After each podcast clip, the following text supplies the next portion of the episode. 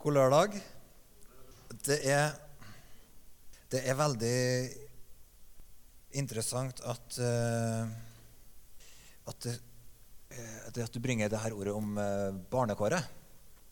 Fordi at når Jesus kommer inn i verden, så har han det her så, så omtaler han ofte seg sjøl på ulike måter. og en, når Matteus, da, evangelisten Matteus presenterer han, så så sier han det her er ettertavla til Jesus Kristus, Davids sønn og Abrahams sønn. Og så fortsetter han da med en sånn uh, etterliste bakover da, om uh, Abraham som fikk sønnen Isak. Og, og, og starta da med Abraham og går uh, utover og viser det her sønnerekkene. Og så vet vi jo at han, Jesus ble født i, av Davids ett, men han, det var jo ikke Josef da, som var hans biologiske pappa. det var Han ble unnfanga ved Den hellige ånd. Og så når han da går rundt og forkynner og presenterer seg sjøl, så snakker han alltid og sier han sønn. Han omtaler seg selv alltid som sønn. Er ikke det interessant? Så det er ikke liksom, han, han kommer ikke og sier 'I'm the man'.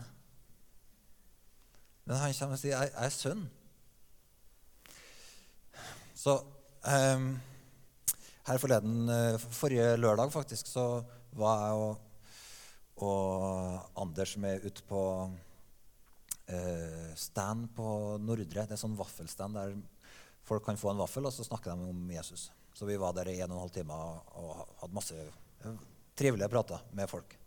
Da var det en, som, eh, en mann på 50 år som kom og tok seg en vaffel, og som hadde veldig mye han hadde lyst til å snakke om. Og da sa han det at du, Eh, han, vi snakka litt om hvem han var. Det, nesten med en gang altså Her var en 50 år godt voksen mann. Så kom han inn på det her når han skulle fortelle hvem han var. Så fortalte han hvem han var sønn av. Og jeg visste jo hvem faren hans var, for omtrent alle som har bodd en stund i Trondheim, visste hvem faren hans var. Han er en kjent trønder. Jeg skal ikke si hvem det var. Men jeg tenkte det var utrolig interessant at en 50 år gammel mann først og fremst presenterer seg som sønn av. All right? Eh, så, så det at, Og det er litt sånn med Erling og eh, Braut Haaland. Ja. Der sier de det, ikke sant? Han var, når han vokste opp, så var han, han var sønn av Alfie. Haaland, som da, det her er to fotballspillere. Alf Inge Haaland og Erling Braut Haaland. hvis ikke dere har hørt om dem fotball er et spill med 22 menn som springer etter en ball. Det kan jo være damer. Eh, men eh, bare sånn, eh, av og til så snakker jeg om fotball som er mest selvfølgelig i verden, og så sitter folk og ikke vet hva det går ut på. Men det er et spill da med en ball. Og så er det da han her, Erling Braut Haaland han forteller da dem, Jeg så sånn intervju far og sønn sitt sammen, for at faren var da fotballstjerne, og det er jo sønnen òg, da. Nå. Men når han vokste opp, så var han liksom alltid ja, han er sønnen til Alfie. da. Og så, mens eh, nå så er det liksom han eh, sønnen da, som har blitt stjerna. Og da er det når eh, faren kommer et sted, så er ikke han liksom det, det, det er ikke han som er, Da er det han er far til. He's the father. Sånn er det av og til når du, når du leser Bibelen om Gud. da. Gud er et sånt fellesskap som hele tida Jesus presenterer seg som sønn. Og Faderen han presenterer seg som far de er Jeg er faren. Og så I'm the son. Ser dere? Så Gud er et sånt fellesskap som hele tida I Gud altså er et fellesskap som hele tida ønsker å som har sin ære i hverandre, og som ønsker å bringe ære til hverandre. Det er det her livgivende fellesskapet i Gud.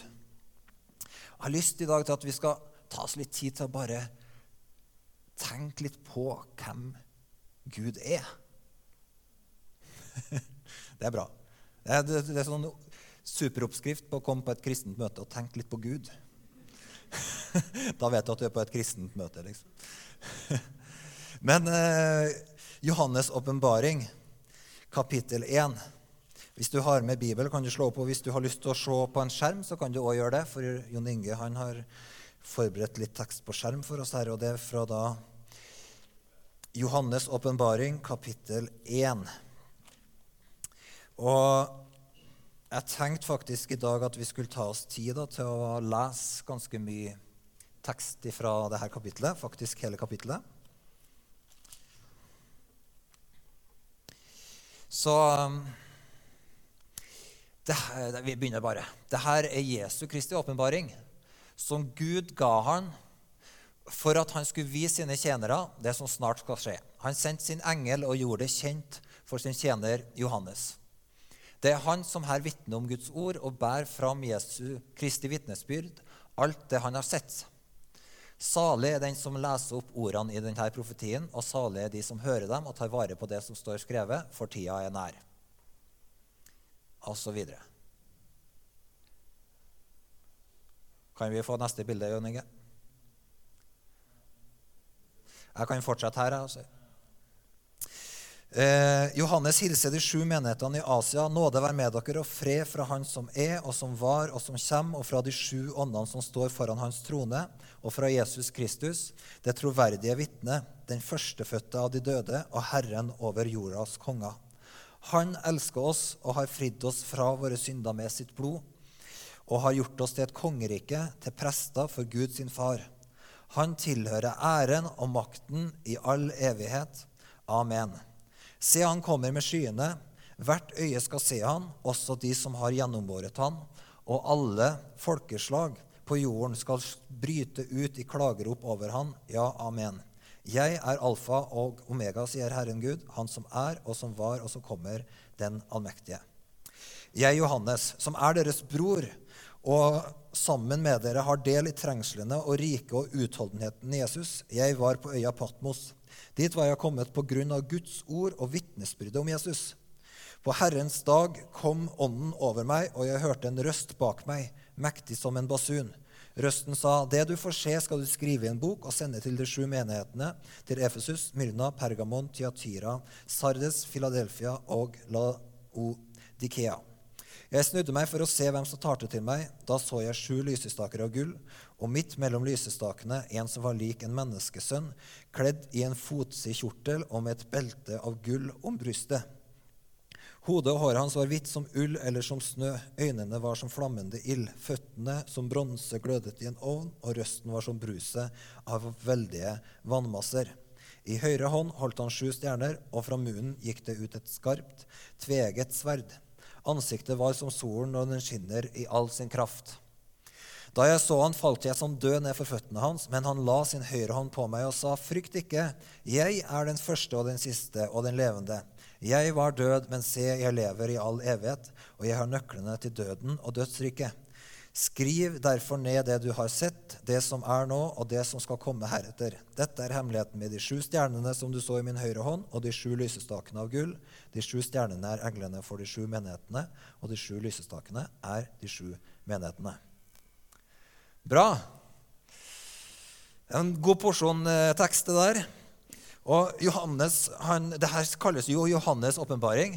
Men når vi leser det første verset her, så står det at det her er Jesu Kristi åpenbaring. Så der har vi liksom korrekturavdelinga kommer inn med en gang.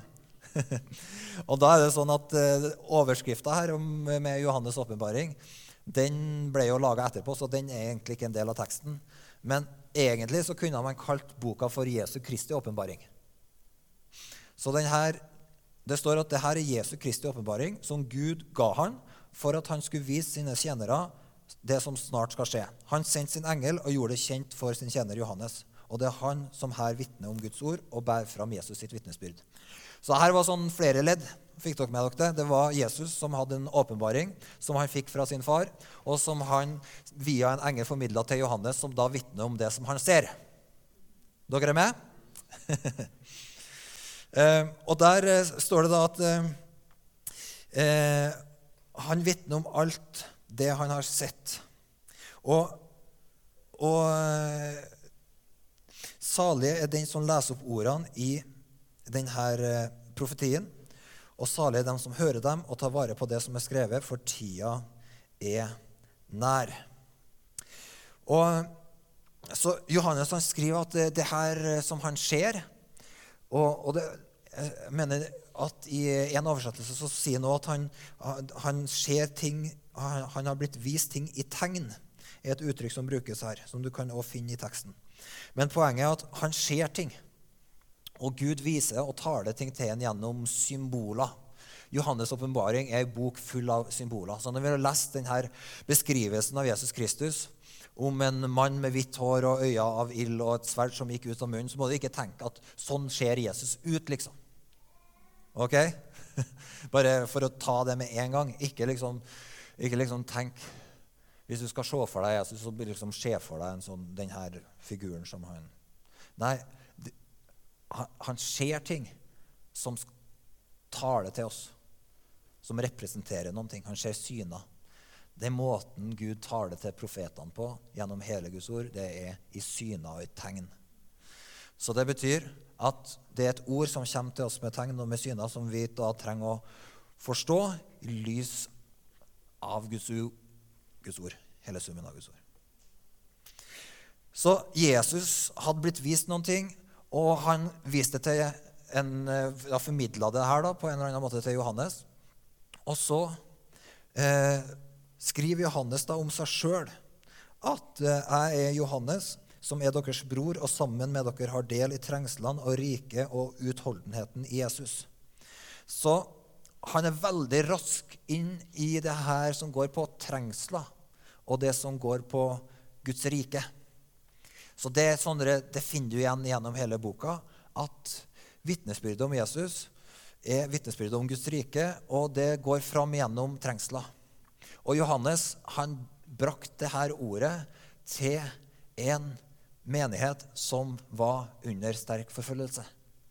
Og han sier om seg sjøl at han var på denne øya Patmos, som da Når vi snakker om de greske øyene, så snakker vi om å, det har vært fint å tatt en tur til de greske øyene. på en måte.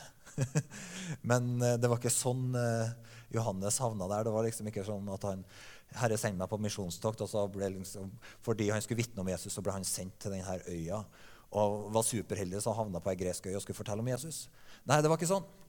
Eh, Johannes han havna på denne øya Patmos. og hvis, Jeg skulle gjerne hatt et bilde av den her i dag. Men den, det er på en måte ei steinraus. Altså det er bare fjell og berg og knottstein. Og du kan finne den øya den dag i dag, og det er ikke noe sånn eh, plass å dra. på en måte. Eh, men det var ei fengselsøy. Det var et sted for de forviste. Og ble liksom, maten ble kasta på land, og du satt der og du satt ikke der frivillig, på en måte. Men han var der av Guds ord og vitnesbyrdet om Jesus. Så av og til, når du holder fast på vitnesbyrdet om Jesus, så er det sånn at du blir tatt til steder du sjøl ikke forventer. Eller satt i situasjoner du sjøl ikke tror du skal havne i. Noen ganger så er det vitnesbyrdet om Jesus, brannen etter å dele evangeliet, som gjør at du reiser til nye steder eller havner i nye situasjoner osv. Mens andre ganger så er det fordi du holder fast på vitnesbyrdet av Jesus, at du blir satt i situasjoner som du sjøl ikke har bedt om. Sånn var det for Johannes. Og sånn var det for veldig mange av de han skrev til. De havna i en skvis fordi de holdt fast på vitnesbyrdet om Jesus Kristus og evangeliet.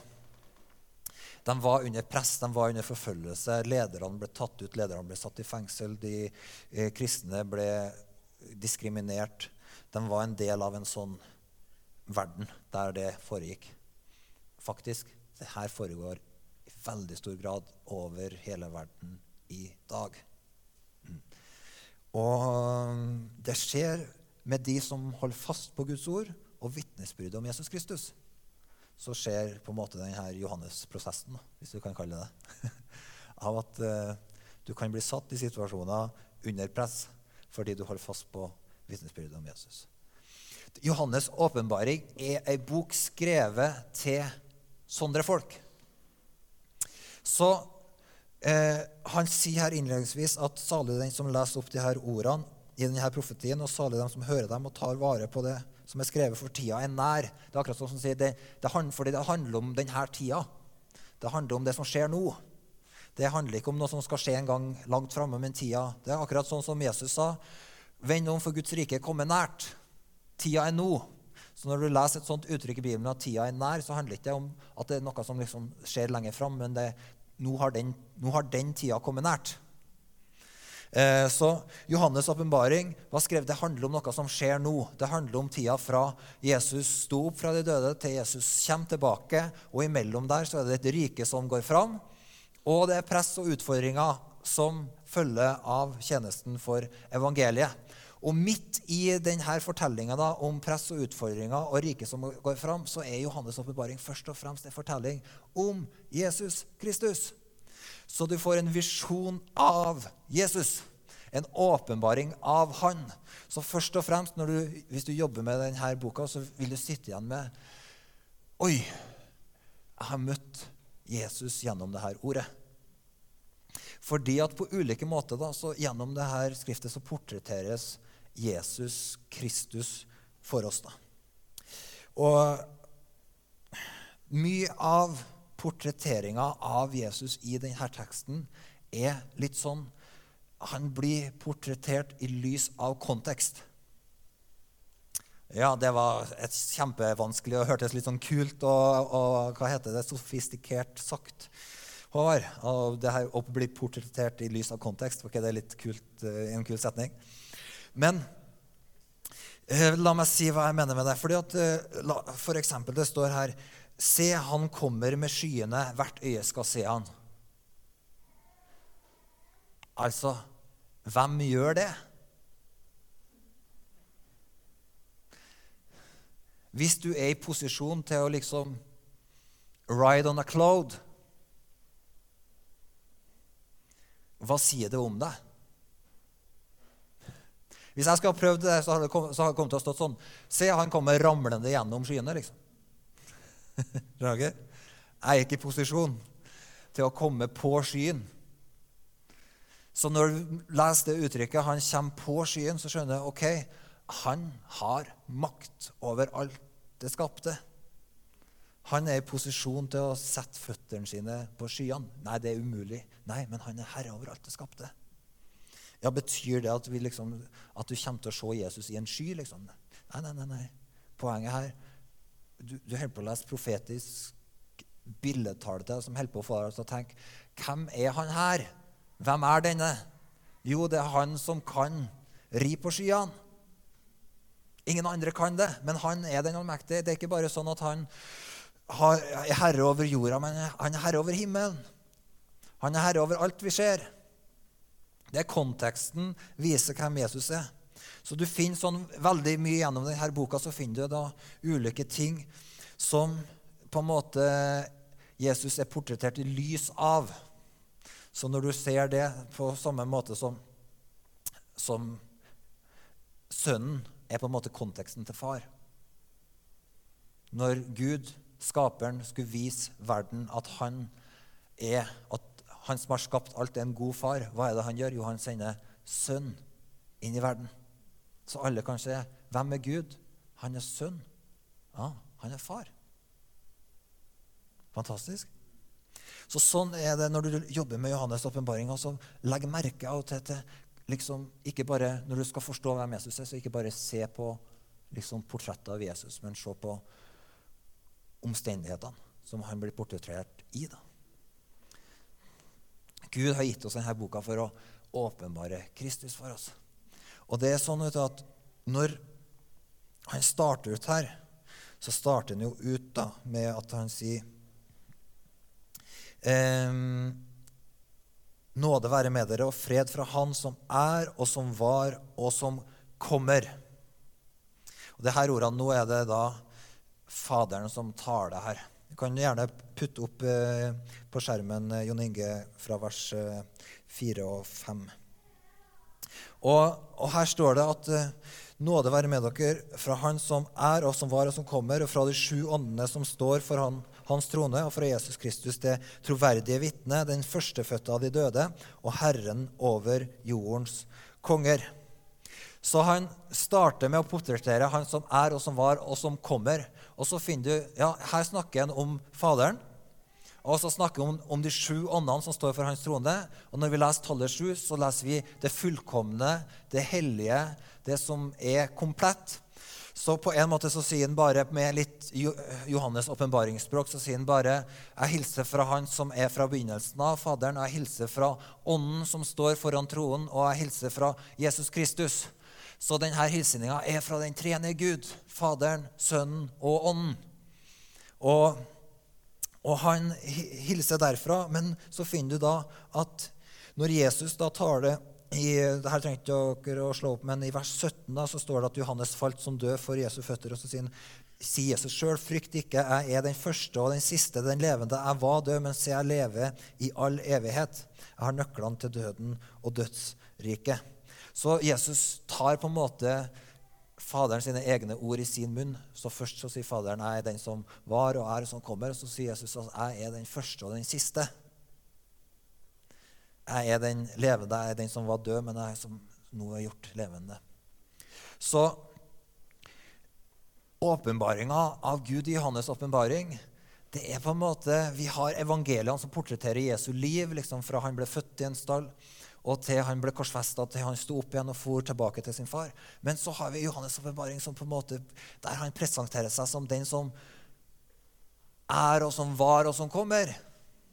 Du, på en måte, han gir oss en visjon av Jesus som på en måte den som var før alt ble skapt.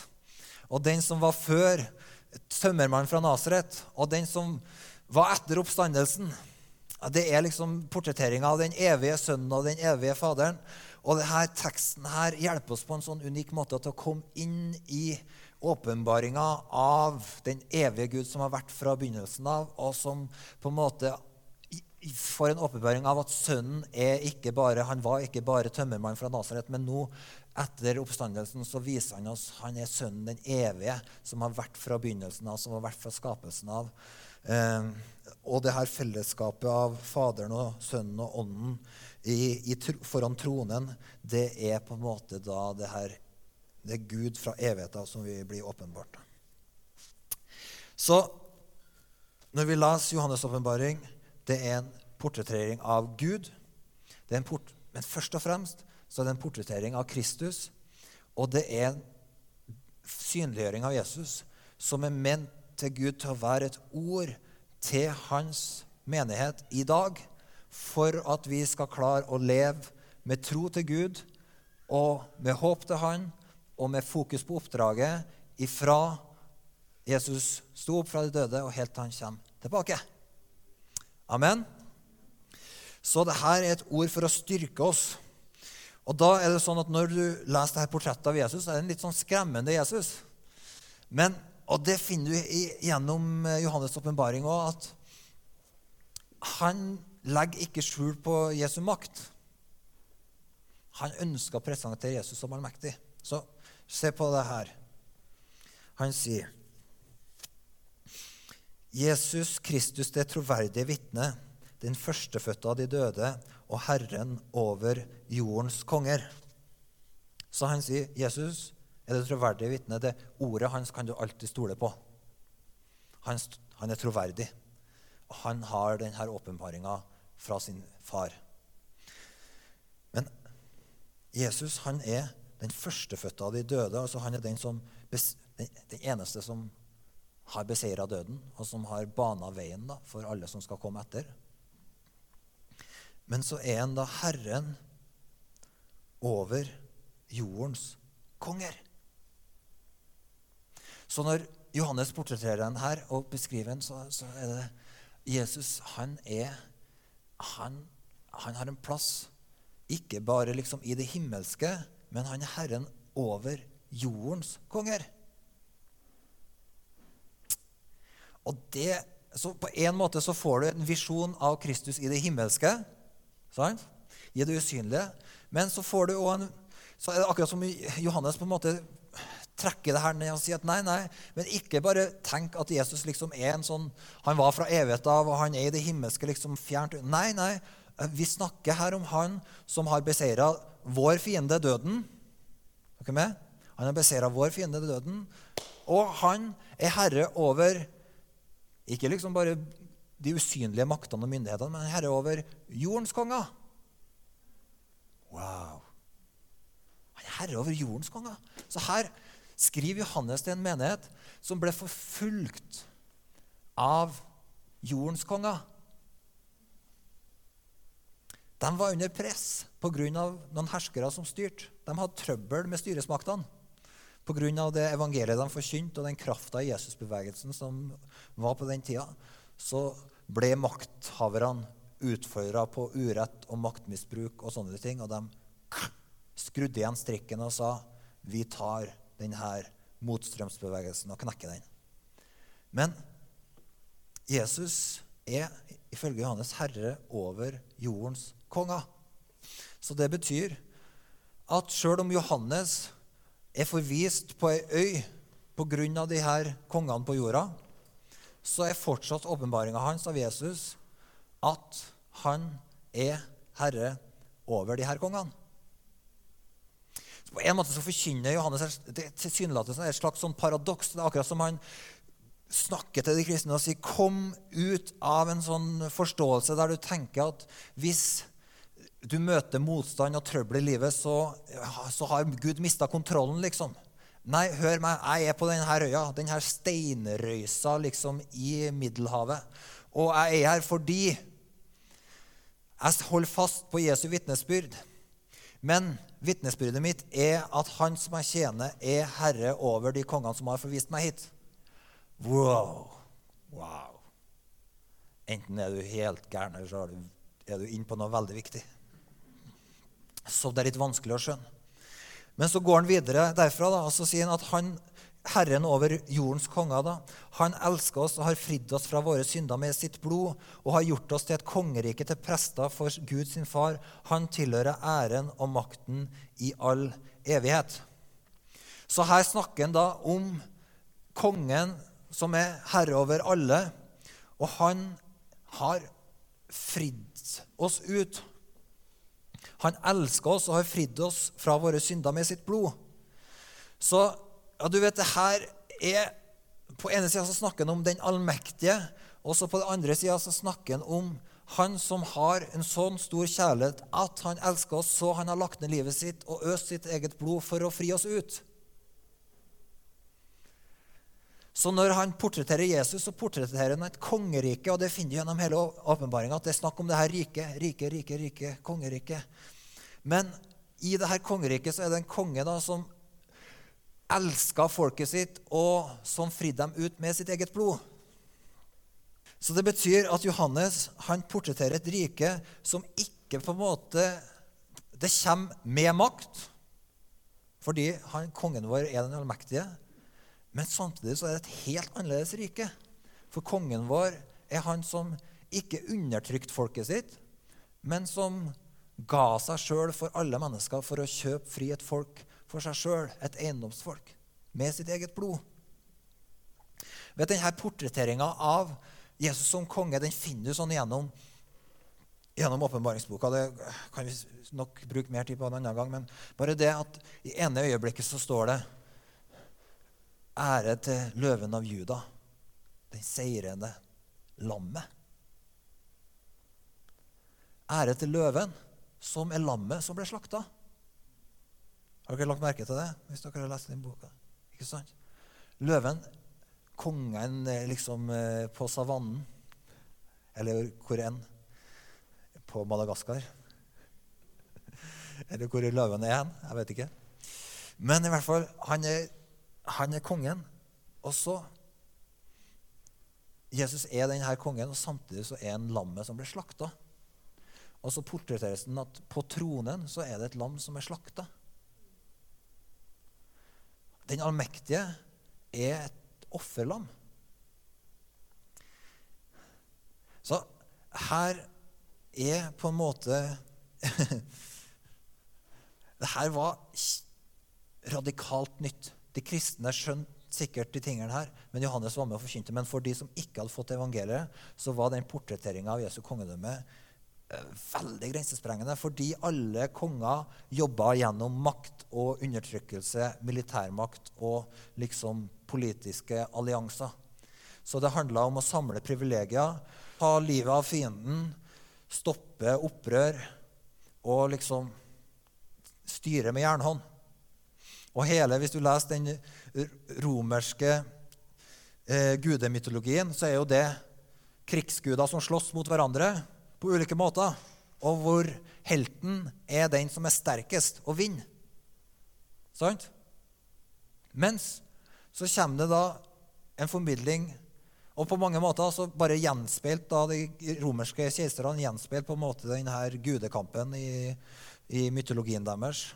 De herska hvis de var sterkest. Og så kom det et opprør som drepte dem. Og så var det en ny hersker som var sterkest. Og sånn gikk det. Og så bringer da Gud inn en helt annen konge på banen, som er løven av Juda. Han er den allmektige. Han har all makt. Han kan, som han sa liksom, til Pilatus, at hvis jeg ville, så kunne jeg tilkalt en legion med engler.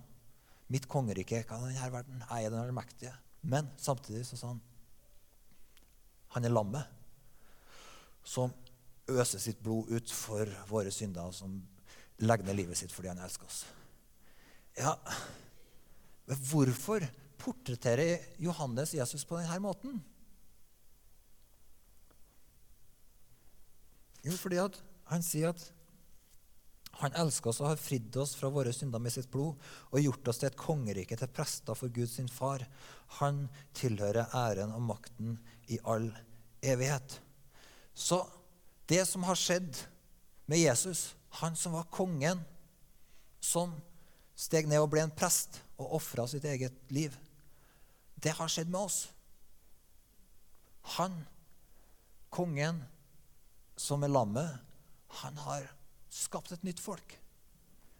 Som på ene sida representerer den allmektige, som hersker i bønn, som er på laget med han som har all makt i himmelen og på jord. Og på andre sida har det er det her kongeriket. Mens på den andre sida har han gjort oss til et folk av prester. Så han har sagt her er det et folk av prester som følger Jesus i prestetjenesten hans.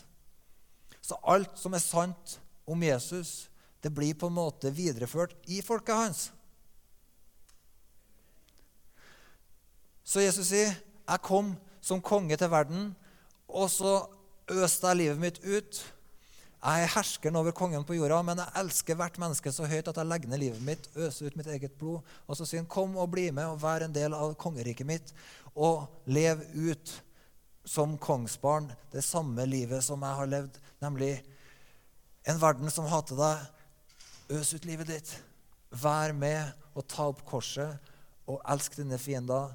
Eh, velsign dem som forbanner deg. Lev på denne måten. Også fordi at kongeriket mitt kommer inn i verden gjennom lidelse. Jesus er ikke en konge som kommer med en ny krig. Han er ikke en konge som kommer med et nytt våpen. Han er ikke en konge som kommer og tar seg nye privilegier eller utnytter nye folkegrupper. Nei, han kommer og bringer inn riket sitt, og han sier det her riket kan ikke komme ved makt. Det kommer gjennom lammet som ble slakta. Så han har gjort oss til et kongerike og til prester for Gud sin far. Så denne åpenbaringa av Jesus den er, så, den er, så, viktig for oss i tida som vi lever i akkurat nå. Fordi at eh, på ene sida så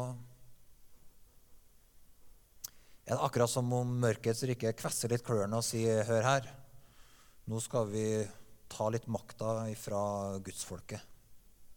Skal vi ta privilegiene deres? Nå skal vi stenge dem litt ut fra den, det gode lag. og presse dem ut av den offentlige debatten. og sånn. Men Jesus er ikke veldig bekymra for de tingene der. Fordi han sier at for riket mitt kommer på en annen måte. Det er midt i de tingene her så er det riket mitt bryter gjennom. Han kaller oss til å være et annerledes folk, som ikke på en måte Målestokken vår er ikke makta, privilegiene. Men faktisk så ser vi det at når vi er med og lir for evangeliets skyld, så er vi med å føre Jesu tjeneste fra tronen som det lammet som er slakta, fram i verden. Så lidelse for evangeliet er ikke et tap. Men det er på en måte I Guds hånd så er det på en måte den krafta som han bruker til å bryte mørkets makt.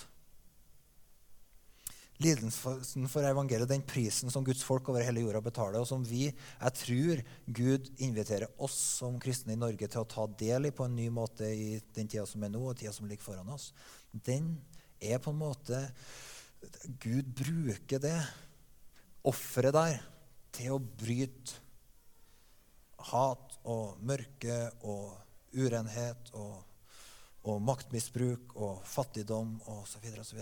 Gud bruker det til folket som er villig til å liksom si her, her Jeg ser at kongen min Jeg ser at han er løven av Juda.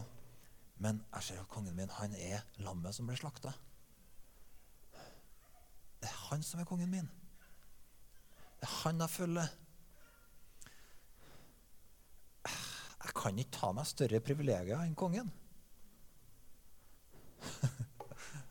Dere har hørt fagbevegelsen si ingen skal ha større lønn enn statsministeren. Eh, fag, fagbevegelsen alt, alltid fra indre strøk, har dere hørt? men, eh, nei, det, var, det var en uh, avsporing. Men, men, det er litt sånn at det Jesus får, det kongen får, det får vi òg. Så vi kan ikke forvente det annet enn det Jesus får. Vi er hans folk. Og når vi følger han, så får vi ta del i livet fra han og lidelsen med han. Her er det mange ting vi skal bare lande i, i eh, den åpenbaringa av Jesus som eh, Johannes får se. Stå, det står om en her at uh, midt mellom uh, I vers 12 så står det jeg snudde meg for å se hvem som talte til meg. Det var her på Herrens dag når røsten kom til ham. Da så jeg sju lysestaker av gull, og midt imellom lysestakene en som var lik en menneskesønn, kledd i en fotsid kjortel og med et belte av gull rundt brystet. Så Johannes han snur seg for å se på Jesus. Og det første, eller For å se hvem er det som snakker til meg. Og det han ser, er da de sju lysestykkene av gull. Så har vi allerede snakka om hva sju betyr her. Og så sier Jesus, når han forklarer det her, så sier han de sju lysestakene er de sju menighetene. Så når Johannes snur seg og, fordi han hører røsten til Jesus bak seg, så snur han seg. Og det han ser, det er Jesus sin menighet. Så det første han legger merke til når han hører røsten fra Jesus, det er ikke at han ser Jesus sin herlighet, men han ser menigheten hans. Han ser lysestakene. Sju lysestaker av gull. Så det forteller oss litt. Og, og så ser han da at mellom lysestakene så står Jesus. Så han ser en åpenbaring. Når han ser åpenbaringen av Jesus, så er det liksom, så ser han menigheten, men han ser Jesus stående imellom folket sitt. Så han ser ikke en Jesus som på en måte har dratt til himmelen, satt seg i herlighet og er ferdig med folket sitt, og som lar det liksom Nå må det bare skure og gå. Jeg har frelst dem for evigheten, liksom, og fra nå av så skurer og går det litt framover. Nei, nei, nei. Når han ser Jesus, så er det første han ser, det er Jesus sin kropp. Og det neste han ser, det er at Jesus står midt i menigheten sin. Det er ingenting som vi går gjennom som Guds menighet, som ikke Jesus står med begge føttene midt oppi. Han står mellom folket sitt. Så for dem som hørte det her, de, kjente antageligvis Johannes godt. De tenkte han har blitt kasta på denne øya. Han var vår åndelige far. liksom, og Vi har opplevd at uh, vi har mista jobbene våre. Og jeg kjenner to-tre stykker som har måttet bøtte med livet for evangeliets skyld. Nei, nei, Jesus står med begge føttene midt i de greiene her. Han er ikke unna. Han har ikke stukket av. Kongen vår er liksom til stede. Når Johannes får en åpenbaring, så er liksom åpenbaringa av en Jesus som er i menigheten sin det er det første han ser. Det er liksom blikkfanget hans. Og det betyr at samme liksom, når du erfarer at det er en pris for å gjøre en tjeneste for evangeliet Om det er så at ting er litt slitsomt i, i, forhold til det å være med å bygge Guds hus, eller det kan være at du betaler en pris for å forkynne evangeliet noe sted, eller noe sånt. Nei, Jesus er der midt i prisen. Midt i kostnaden, midt i alt det som eh, foregår og skjer. Jesus står der med begge føttene, og han er med i det. Helt og fullt. Og han identifiserer seg såpass med menigheten sin at når han skal presentere seg sjøl, så er det første han viser fram, det er Se her, kroppen min. Skal ikke forstå hvem jeg er, så se på kroppen min. Det forteller oss òg at verden forstår hvem Kristus er, gjennom at de ser en menighet som lir for evangeliet. Fordi de kan se en menighet som lir for evangeliet, så ser de i det uttrykt Kristi kjærlighet som var villig til å lide for deres synd, for vår synd. Og så står det da om Jeg skal ikke gå inn på det her, men om, om eh, hodet og håret som var hvitt som ull eller som snø som taler om den, hans rettferd og, og, renhet. Og så har du da øynene som var som flammende ild, som prøver å teste. Og føttene som bronse gløda i en ovn. Og der er vi tilbake Husker dere andre, hvilke andre ganger du ser en menneskesønn som er åpenbart i en ildovn? Husker dere det? Så Johannes han eh, henter ganske mye fra Daniels bok underveis her. Men uh, i Daniels bok så finner du da de her tre vennene til Daniel som sto opp for uh, evangeliet. Og så havna de, ble de kasta i ildovnen, og så ser kongen da, en babylonerkongen inn i ildovnen, og så ser han at det var ikke tre menn der, men det var fire, og det var en menneskesønn som gikk rundt imellom dem. Og så kom alle tre uskadd ut. Men det er akkurat som om da Johannes sier til menigheten at Jesus sine føtter er prøvd i denne ildovnen. Samme hva dere går inn i, så er liksom hans føtter er i prøvelsen. Um, og så sier han da at røsten var som brus veldig vannmasser, og i høyre hånd holdt han sju stjerner, og fra munnen gikk det ut et skarpt, tvega sverd. Og her tenker jeg vi, Når vi jobber med det her åpenbaringa av Kristus, så kan vi òg ha med oss hele tida altså, Vi trenger å legge merke til de tingene som blir synliggjort i sånne symboler som det her. Det blir jo malt foran øynene våre fordi det er viktig. Så jeg tenker, Like viktig som vi vet at, at eh, Jesus er med oss i prøvelsene, så vet vi at han har et mektig våpen. Og det mektige våpenet er liksom ikke sånn som denne verdens herskere kjemper, men det er at fra munnen hans så går det ut et skarpt sverd. Og det er og, Så han er en konge. Han er denne menneskesønnen som er kongen vår. Men fra munnen hans så går det ut et skarpt sverd. Det forteller oss vi trenger å vite òg at Gud har gitt oss et våpen å kjempe med. Av og til så gjør våpenet vondt. Skarpe sverd er liksom ikke til for å liksom stelle sår med. Men det er til for å ta livet av noen ting. Gjøre slutt på noe. Så vi trenger å vite at vi er en del av et folk, og Johannes er bevisst på at dere er en del av en åndelig kamp. Og det er ting som vi ved hjelp av det her sverdet som er Guds ord, skal gjøre slutt på. Gjennom å bringe ordet så skal du gjøre slutt på mørkets makt. Dette er, dette er et våpen fra Gud. Det er et våpen som Kristus er utrusta med, og som gjør slutt på løgn, som gjør slutt på urett. Det, vi merker, Jeg må si å lese Bibelen det gjør like mye vondt som godt. Noen sier sånn, ja, det er så deilig med bibellesing. Jeg vil si nja er frukta av det er veldig god, men ofte gjør det like mye vondt som godt. Fordi at jeg møter sverdet fra Jesus sin munn, og det skjærer inn i livet mitt og fjerner ting og peker på ting og kutter av ting. Rensker opp i ting. Det beskjærer meg. Men jeg vil være i den prosessen.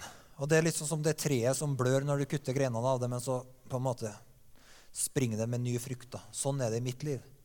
Men det er ikke bare sånn, sverdet er ikke bare for oss, Men vi kan vite at vi har med oss et åndens som gjør at vi kan være med og tale Guds ord inn i situasjoner.